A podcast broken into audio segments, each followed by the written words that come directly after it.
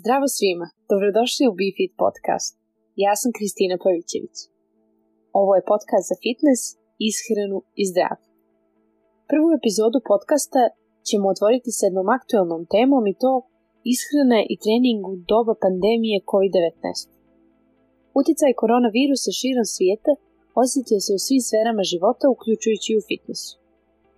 COVID-19 će vjerovatno imati trajan efekat na sve nas – Danas ćemo razgovarati o utjecaju pandemije, o tome kako i kada se trening može nastaviti, posljedicama smanjenog vremena za trening i ulozi zdravlje i kondicije u borbi protiv virusa. Kako se širi pandemija, od mnogih pojedinaca se traži da ostanu kod kuće u samoizolaciji. U nekim će zemljama fitness centri i druge lokacije na kojima su pojedinci normalno aktivni ostati privremeno zatvoreni.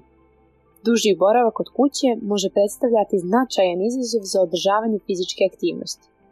Sedentarno ponašanje i nizak nivo fizičke aktivnosti mogu imati negativne efekte na zdravlje, blagostanje i kvalitet života pojedinaca.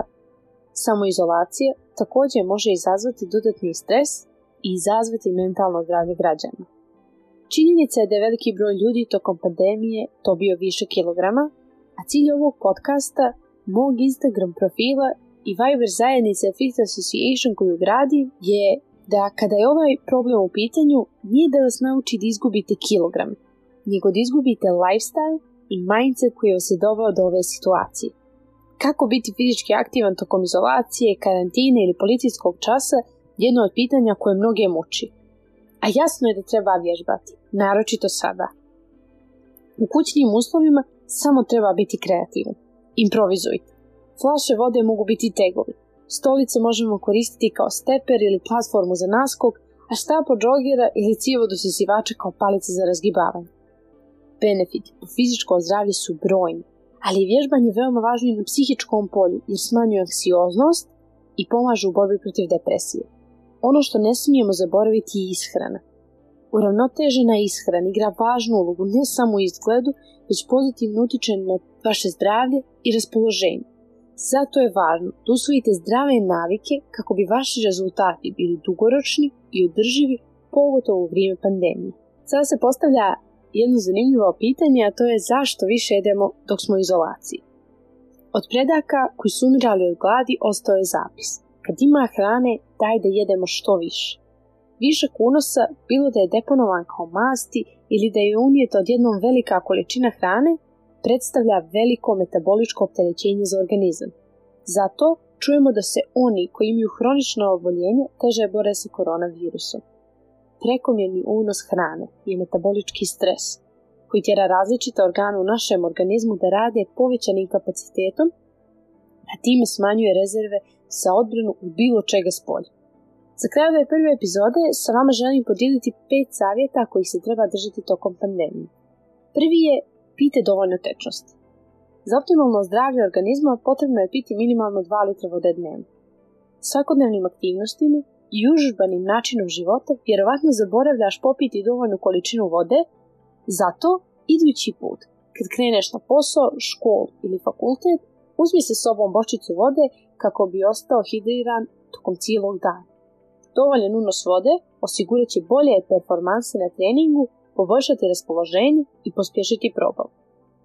Drugi savjet je povećajte unus proteina.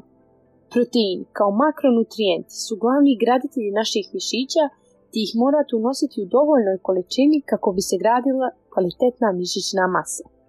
Tokom procesa mršavljenja trebate osigurati čuvanje i izgradnju mišićne mase dok ćete za isto vrijeme gubiti na procentu masti koje vašem tijelu se talože. Sljedeći savjet je jedite uravnoteženo i uživajte u hrani. I ovo zaista mislim. Zdravo se hraniti ne znači da morate gladovati, izbacivati omiljene namirnice iz svoje ishrane ili unos nekog makronutrijenta poput ugljenih hidrata i masti. Umjesto raznih restrikcija, fokusirajte se na to da vaš jelovnik bude sačinjen od namirnica koje su vama po volji i da takav režim ishrane ne bude samo dio jedne dijete koja vas vodi do određenog cilja, nego da takav način ishrane postane vaš životni stil. Nađite neku ravnotežu između zdravlja i užitka koja odgovara postizanju vašeg cilja. Jedi puno voća i povrća. Voće i povrće bogato esencijalnim vitaminima, mineralima i vlaknima koje imaju brojne zdravstvene benefite u vidu unapređenja zdravlja i prevencije raznih bolesti. Zbog niske kalorijske vrijednosti i vlaknima koja se u njima nalaze, voće i povrće pomoći će ti u kontroli kalorijskog unosa, a samim tim i u regulisanju tjelesne masti. Posljednji savjet, ali ne i manje bitan, je ispacite nepotrebne štetne namirnice.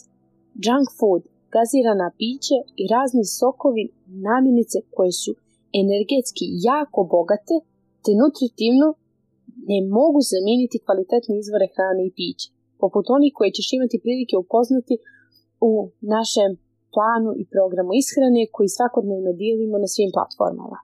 To bi bilo sve za prvu epizodu podcasta. Čujemo se!